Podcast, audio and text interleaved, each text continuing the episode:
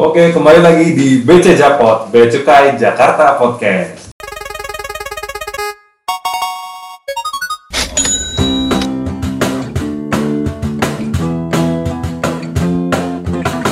Hari ini kita kedatangan tamu nih dari seksi P2 yaitu Pak Bobi Batigor Tamu Bolon dan juga Bang Danu. Tangan dulu tepuk tangan. tangan. P2 apa di? P2 itu Bang seksi penindakan dan pendidikan. Oh siap.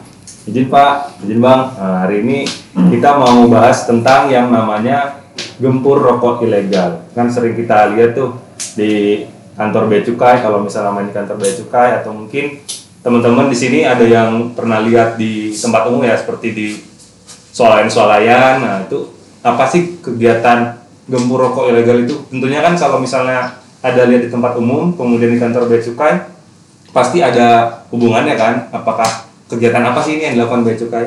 Izin Pak mungkin bisa dijelaskan.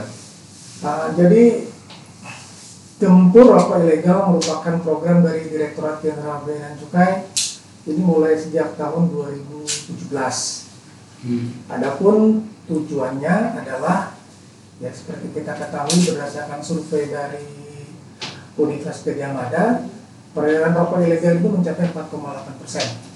Latar belakangnya seperti itu. Adapun tujuannya tentu saja untuk mengurangi eh, persentase seperti yang dimaksud dari survei dari UGM itu. Dan berdasarkan target yang diberikan oleh Menteri Keuangan, kita ditargetkan untuk di level di angka maksud saya di 3%. Jadi peredaran rokok ilegal ditargetkan di bawah eh, 3%. Adapun eh, tujuannya juga untuk menciptakan iklim perdagangan yang lebih sehat karena ya nggak adil juga ada beberapa pengusaha yang mau membayar cukai di satu sisi ada pengusaha pengusaha rokok yang tidak mau membayar cukai. Nah, eh, di saat pandemi ini Hmm. eh, program dari Gempur Rokok Ilegal itu meliputi penindakan, kita juga melakukan eh, apa namanya edukasi dan sosialisasi. Jadi bentuk podcast ini kan seperti edukasi kepada masyarakat gitu Iya. supaya masyarakat bisa ngerti lah kira-kira seperti itu.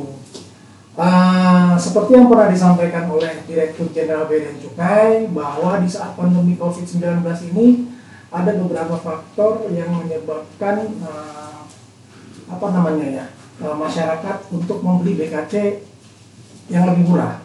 Iya. Hmm. Karena konsumsi lagi turun berarti ya Pak ya. Ya, salah satu faktornya itu faktornya itu adalah eh, resesi ekonomi ya kan. Terus di situ tendensi masyarakat untuk mengkonsumsi yang lebih murah. Iya. Oh daya belinya berkurang gitu ya pak? Ya, kira-kira seperti itu Hmm. dan juga ada potensi resistensi terhadap masyarakat terhadap penindakan yang dilakukan oleh uh, Bea dan Cukai. Jadi salah satu uh, faktor yang menyebabkan konsumen cenderung untuk memiliki barang yang lebih murah adalah adanya tarif cukai di tahun 2021. Oh yang itu naik ya Pak ya. Nah, gitu. Jadi ya semakin tinggi tarifnya, semakin mahal uh, harga, Harga rokoknya. Rokoknya. Jadi mahalnya harga rokok di tengah-tengah merosotnya daya beli masyarakat menciptakan pasar bagi produsen rokok ilegal. Nah, jadi di situlah peran bea cukai uh, agar masyarakat mau membeli rokok-rokok yang uh, Legal. legal lah, kira-kira seperti itu. Kalau misalnya ada yang ilegal dan ada yang legal nih, bedanya apa sih? Eh, nggak cuma rokok ya mungkin kalau boleh kita secara garis besar kan kita Hmm. mengawasinya BKC ya cuma mungkin kalau kita bicara di sini kan lagi temanya rokok ilegal Iya. kalau kita sedikit lebih fokus ke rokok ilegal itu ada empat ciri-cirinya yang pertama itu dia nggak ada nggak dilekati kita cukai, cukai. jadi kalau rokok itu polosan. Mungkin teman-teman kalau suka lihat di warung-warung itu nggak ada pita cukainya tuh salah satu ciri-cirinya. Yang kedua mungkin ini yang agak apa ya agak susah juga sih dibedainnya. Karena dia pakai pita cukai tapi pita cukainya palsu. Nah itulah yang sering kita di bagian unit P2 ini sering kita ingatin ke teman-teman di lapangan di terutama di warung-warung juga kalau ciri-ciri pita pita cukai yang asli dan palsu tuh ada cara bedainnya tuh gimana gitu loh. Dan yang ketiga ini yang mungkin agak tricky ya karena dia pakai pita cukai tapi pita cukainya tuh bekas nah itu Oh. trikinya tuh dia jadi di apa ya kalau bilang di Jadi Asli sebenarnya. Jadi dia diamankan dulu ya bang. Yes. Pas mau. Jadi kan sebenarnya kan kalau pelatihan kita juga itu setahu saya Hmm. dibuka itu akan akan rusak. Yes, Ketika dibuka kan- kemasannya dia harus Oke. rusak. Heeh. Berarti ini diakalin berarti ya. ya jadi dari rokok yang sudah benar rokok asli yang legal lupa, kita cukainya tuh dicopot ditempel lagi ke rokok lain Yang rokok lain. Nah itu yang ketiga dan keempat ini dia tidak sesuai dengan peruntukannya. Tidak sesuai dengan peruntukannya ke- kenapa? Karena Hmm. sebenarnya kan rokok ini ada beberapa jenis kan, ada yang SKM, SKT, ada yang pakai tangan buatnya, ada yang pakai mesin. Nah itu kan beda-beda tuh tarifnya tuh. Iya. Nah makanya dari situlah karena ada disparitas tarif tadi, kadang tuh ada yang salah peruntukan harusnya ini untuk rokok yang tadi dibuat pakai tangan, dia tempelkanlah di rokok yang dibuat pakai mesin atau sebaliknya. Itulah yang membuat apa itulah ciri-ciri tadi yang nomor empat itu tidak sesuai dengan peruntukannya. Kalau di Bea Cukai Jakarta sendiri, Bang, Pak, eh, itu terakhir melakukan kegiatan gempur rokok ilegal itu kapan ya? Program gempur ini kan setiap tahun ya. Setiap tahun. Nah tahun ini masih dalam apa namanya uh, Iya. Lagi running juga ya? Lagi running ini. Operasi tetap dilakukan, tapi tentu saja dengan protokol kesehatan. Protokol kesehatan. Ah. Jadi pandemi tidak tidak Tidak menghalangi ya. ya, tidak menghalangi apa namanya program yang sudah dilakukan oleh Karena Dan juga. bahaya yang dapat ditimbulkan dari rokok ilegal itu. Eh, bahaya rokok ilegal. Eh, yang pertama kalau Hmm. tentu saja kalau rokok legal itu semuanya jelas ya. Maksudnya jelas itu masalah perizinan, terus masalah Hmm. informasi-informasi Iya. yang ada di dalam Rokok. eh, kemasan rokok itu jelas. Iya. Nah, rokok yang ilegal ini pasti tidak jelas bahasanya. Jadi perusahaannya pun kita nggak tahu di mana gitu loh. Terus yang lebih berbahaya ini kan rokok ini sesuatu yang masuk ke dalam tubuh nih, Iya. masuk ke dalam tubuh apabila tidak melewati apa namanya ya, misalnya kadar tarnya berapa, Iya. kadar Nikotinnya berapa, kan sangat berbahaya tuh kita istilahnya mengisap rokok yang eh, Tidak jelas. jelas itu kadar-kadarnya kan berbahaya sekali. Terus yang lebih eh, ini lagi apa namanya? Yang lebih katakan berbahaya lagi, kalau ada terjadi sesuatu, siapa yang bertanggung jawab? Nah, karena perusahaannya nggak jelas tuh. Nah, kalau rokok ilegal semuanya jelas. Jadi kalau ada apa-apa kita bisa tuntut. Jadi kita bisa minta pertanggungjawaban perusahaannya, kira-kira seperti itu. Jadi eh, kerugian bagi kesehatan ini eh, sangat inilah, katakan sangat fatal lah untuk sesuatu yang kita hisap apabila semuanya nggak jelas. Itulah rokok ilegal. Berarti dengan adanya pita cukai ini udah bisa menandakan bahwa pita cukai yang asli ya. Yes. Berarti udah bisa menandakan produk ini sudah ada legalitasnya lah di mata negara sudah inilah sudah layak untuk dikonsumsi berarti gitu ya Pak. Ya itulah ciri-cirinya begitu dia rokok legal pasti bayar cukai. Nah itu Ya. semua semua itu pasti jelas lah. Perusahaannya jelas, kadar tar nikotinnya udah jelas lah. Kira-kira seperti itu. Jadi buat teman-teman yang ahli hisap Kali. Bukan harus kalau misalnya mau beli rokok berarti harus perhatikan juga pita cukainya jangan asal-asal beli juga gitu kan kadang-kadang mungkin di warung nggak ada pita cukainya bisa jadi gitu lebih kan lebih karena pertimbangannya cuma lebih murah. iya takutnya jangan karena lebih murah jadi membahayakan tubuh juga gitu kan gitu Itu kalau bagi kita nih yang eh, hisap. ahli hisap. Nah kalau bagi negara kerugiannya apa? Nah un- eh, bagi negara kerugiannya, jadi cukai ini merupakan salah satu penerimaan yang besar ya. Ya cukup. Apalagi kalau dari bea cukai itu yang terbesarnya kan dari sisi cukai dibanding dengan biaya masuk dan biaya keluar. Jadi ini merupakan apa ya, unsur penerimaan dalam APBN. Jadi logikanya Baik. begini nih, kalau negara ini pembayaran cukainya besar, benar, otomatis APBN-nya eh, semakin eh, besar lah ya, semakin tinggi yang akan digunakan untuk eh, kegiatan ya negara kita gitu loh, misalnya pembangunan infrastruktur dan lain sebagainya. Gampangnya gini deh, kalau kita punya pendapatan yang lebih bagus, mungkin pola konsumsi di rumah lebih baik lah, kira-kira seperti Iya. itu. Jadi Hmm. masyarakat pastinya lebih lebih sejahtera ya kira-kira seperti itu. Eh, dengan menurunnya rokok ilegal ini sebenarnya berkontribusi terhadap penerimaan negara. Jadi sejak tahun 2016 sampai dengan 2020 penerimaan dari sektor hasil tembakau ini semakin meningkat.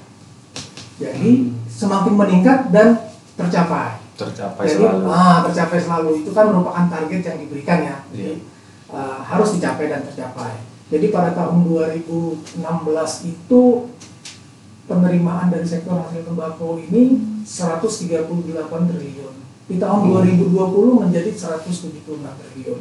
Jadi tetap ada eh, peningkatan kira-kira seperti itu. Kalau untuk ini Pak, kan kita udah ngomongin kegiatan gempur rokok ilegal ini. Langkah-langkahnya itu untuk di lapangan apa aja sih Pak yang dilakukan pada saat melakukan kegiatan gempur rokok ilegal? Langkah-langkah Langkah-langkah dalam atau monitor- dan mungkin nih di lapangan ya di lapangan. langkah pencegahannya gimana nih? Pencegahannya gimana? pencegahan mungkin kalau kita lagi operasi gitu ya Iya. ya pertama sih kita persuasif ya dalam artian kita Hmm. sering edukasi juga ke masyarakat apalagi teman-teman juga dari bagian humas ya kan sering keliling sering visit customer apa customer visit Custom customer visit customer ya ya. CVC ya kan itu dari, dari mungkin dari sisi persuasifnya tapi kalau dari sisi enforcement ya dari sisi yang penindakan ya kita kita nggak main-main gitu. Dalam artian gini eh, kita sebagai penegak hukum pasti kan mengat- eh, nggak mau lah ada namanya kecemburuan sosial di masyarakat. Di mana ini teman-teman yang sudah membayar cukai sudah patuh pa- pada negara tapi di sisi lain ada nih eh, orang-orang yang memanfaatkan kesempatan. Dalam artian ini eh, ya kalau kita bicara prinsip ekonomi kan ketika demand tinggi otomatis supply juga tinggi. Nah ini sedang ekonomi lagi turun nih. Oh, nah demand demand untuk sesuatu yang murahnya lagi banyak gitu. Nah di situlah mungkin ba- banyak oknum-oknum yang mengambil kesempatan sehingga ya peluang ya, Nah. walaupun itu hal yang salah peluang. itu dia makanya eh, ketika itu muncul ya kita sebisa mungkin menertibkan gitu karena itu tadi ketika ada kecemburuan sosial itu sangat berbahaya buat masyarakat gitu itu sih Berarti kalau dari secara sekilas nih Hmm? eh, penindakan kita tuh yang udah di lapangan ya bendanya. Yes. Jadi udah di warung, udah di jalan gitu. bahkan kita juga nggak segan juga buat nyetop truk yang ada di tengah jalan kalau emang kita sudah dapat info A1 gitu kan Nah, dapat info eh, kita kita selidiki info tersebut valid enggaknya bener enggaknya. Eh, kira-kira nih eh, worth it nggak ibaratnya dalam artian worth itu bisa dipertanggungjawabkan nggak info tersebut? Ya kita tindak juga gitu. Nggak nggak mesti ketika sudah sampai di tangan konsumen. Ketika di jalur distribusi pun apalagi di Jakarta ini ya. Jakarta ini kan lebih ke jalur distribusi ya di mana dari timur lewat Jakarta menuju barat begitu. Jadi transit gitu ya. yes nah ketika mereka transit biasanya kita juga hmm. tindak juga gitu nggak mesti sampai di warung dulu baru kita tindak gitu Jadi kan eh, sentra industri rokok ini kan sebenarnya di Pulau Jawa. Kebanyakan jauh Ya, ya. Pulau Jawa. Jadi ini kita kan daerah kalau Pulau Jawa itu mungkin di Jawa. Tengah Jawa Timur ya. Nah, itu rokoknya. kan uh, produsen uh, apa namanya konsumennya di mana gitu. Jadi termasuk di Sumatera. Nah, pasti kan melewati Jakarta. Makanya kita dibilang uh, jalur apa namanya? uh, daerah transit daerah ya. transit lah. Iya.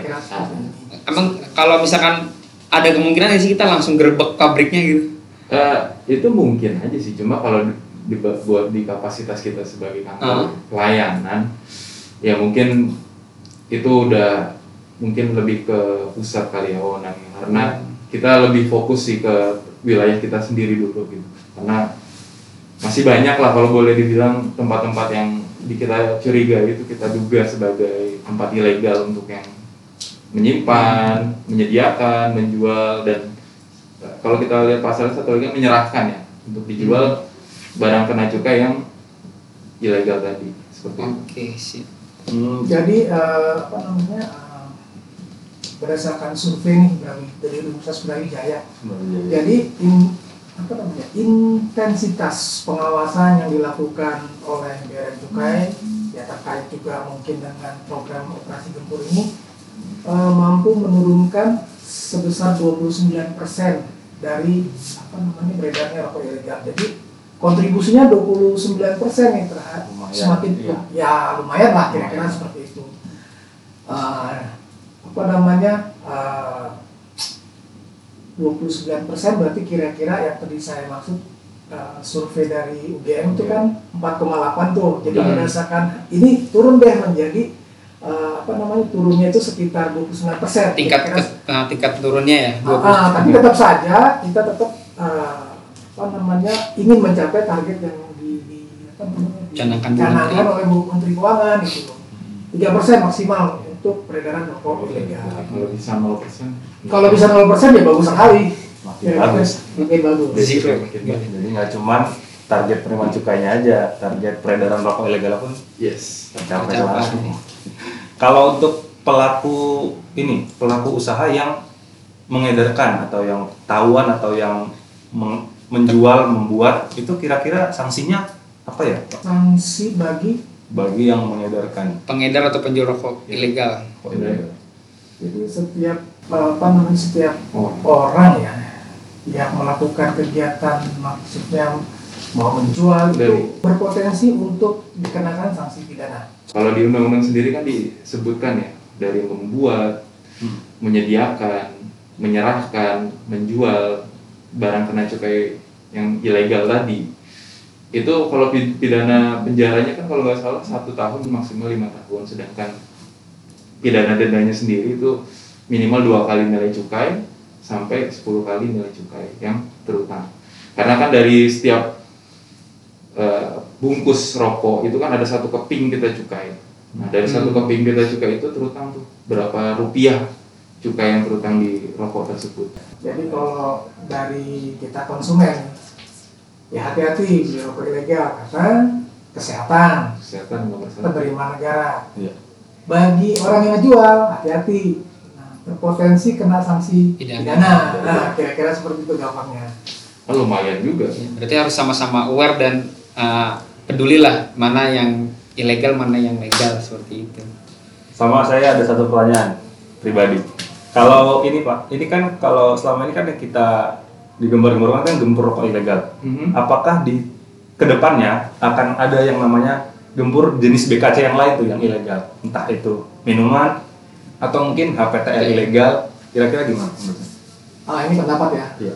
Tentu saja kalau dalam melakukan apa namanya kegiatan kita lihat misalnya gini penerimaan paling besar apa sih? Hmm. Terus eh, berapa kebocorannya?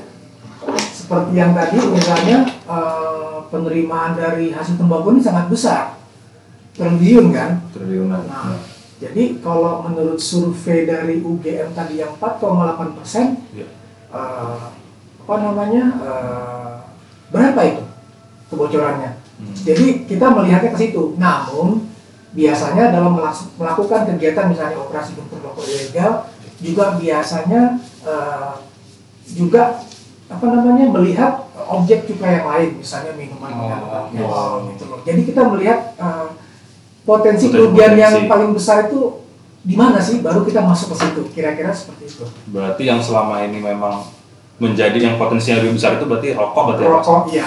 Itu bisa dilihat dari eh, struktur penerimaan di bea cukai lah. Hasil tembakau itu berapa? Minuman mengandung etil alkohol berapa? Dan etil alkohol berapa? Jadi skala prioritas lah kira-kira seperti itu. Karena kita juga mungkin apa namanya eh, melihat eh, kerugiannya berapa sih kira-kira seperti itu. Tapi Iya. memang kalau dari secara harga pun dari semua jenis BKC ini memang rokok yang paling affordable ya bagi dia sampai ke lapisan masyarakat Yes. bawah kan juga ini bisa nggak seperti minuman atau mungkin HPTL. Nah, Iya. HPTL kan Mahal. mesti beli alatnya lagi. dan mahal juga kan 57.000 ribu ya 57 persen pak. oh 57 persen 57%. Ya, sebenarnya sebenarnya cukai itu hampir, 57. hampir sama gitu Ah. maksudnya karena kalau di undang-undang kan eh, cukai itu kan kalau bisa itu kan seragam di 57 persen gitu. Hmm. Cuma bedanya adalah kalau rokok ini emang best price-nya itu harga dasar itu kan emang murah. Beda sama HPTL, beda sama minuman, beda sama shisha mungkin atau kalau teman-teman tahu gitu kan. Ya itu yang membedakan kenapa rokok begitu affordable ya emang best price-nya yang bikin murah gitu. Ya, ketika udah bicara apalagi kalau sekarang kan rokok masih bisa dibeli eceran kan beda beda sama sebatang nah, ya ngeteng ya Nyeteng. kalau kalau beli HP tehel Ecer ya. kan nggak bisa juga paling sedikit kan 15 ya sekarang 15 mili. 15 mili kan kalau cerutu paling sedikit satu kalau minuman ya satu botol baik yang 300 mili begitu apa botol bir itu 300 mili sampai yang satu liter kan ada Oke, jadi begitu ternyata bang. Jadi kepikiran aja gitu kan, kenapa BKC yang ini rokok aja Rokok gitu. doang yang digempur ternyata ya. Potensinya itu yang tinggi, harganya juga rendah kan. Ya potensi kebocorannya otomatis Lebih besar. lebih besar daripada yang lain gitu. dan kalau menurut saya pribadi sih kalau kita lagi operasi ya begitu kita fokus ke rokok tapi kita lihat ada BKC lain Di situ ditemukan pelanggaran ya tetap kita tindak nggak nggak menutup kemungkinan mentang-mentang judulnya gempur rokok ilegal terus Iya. Ada minuman. ada minuman kita biarin aja kan ya nggak lucu juga gitu kan ya pasti fokus utamanya itu Nah. cuma tetap mengindahkan yang lain juga. Ya. pasti gitu namanya juga nggak mungkin lah kita biarin aja yang kayak gitu-gitu Pak Idris ada pertanyaan lagi? Udah cukup jelas sih dan gamblang banget ini tentang Berarti- rokok ilegal. Berarti ini udah bisa kita simpulkan ya teman-teman untuk eh, gempur rokok ilegal ini dilakukan Bea Cukai Jakarta eh, walaupun di masa pandemi ini tetap dilakukan, tetap beroperasi dan bukan menjadi halangan pandemi ini, tapi tetap dilakukan dengan protokol yang berlaku. Kemudian bagi teman-teman yang mungkin ahli hisap gitu kan, eh, setidaknya dan bukan setidaknya seharusnya belilah rokok dengan bijak dan bertanggung jawab yaitu caranya dengan beli rokok yang bercukai. Berarti rokok yang kalian beli adalah produk yang sudah legal dan sudah dipertanggungjawabkan oleh penjual rokoknya sendiri dari pabriknya gitu. Mungkin sekian aja dari podcast kita kali ini. Terima kasih Pak. Bobi dan juga Bang Danu. Mungkin di lain kesempatan di topik yang lain kita bisa bertemu lagi. Kita akhiri. Becukai Jakarta Podcast sekian. Terima kasih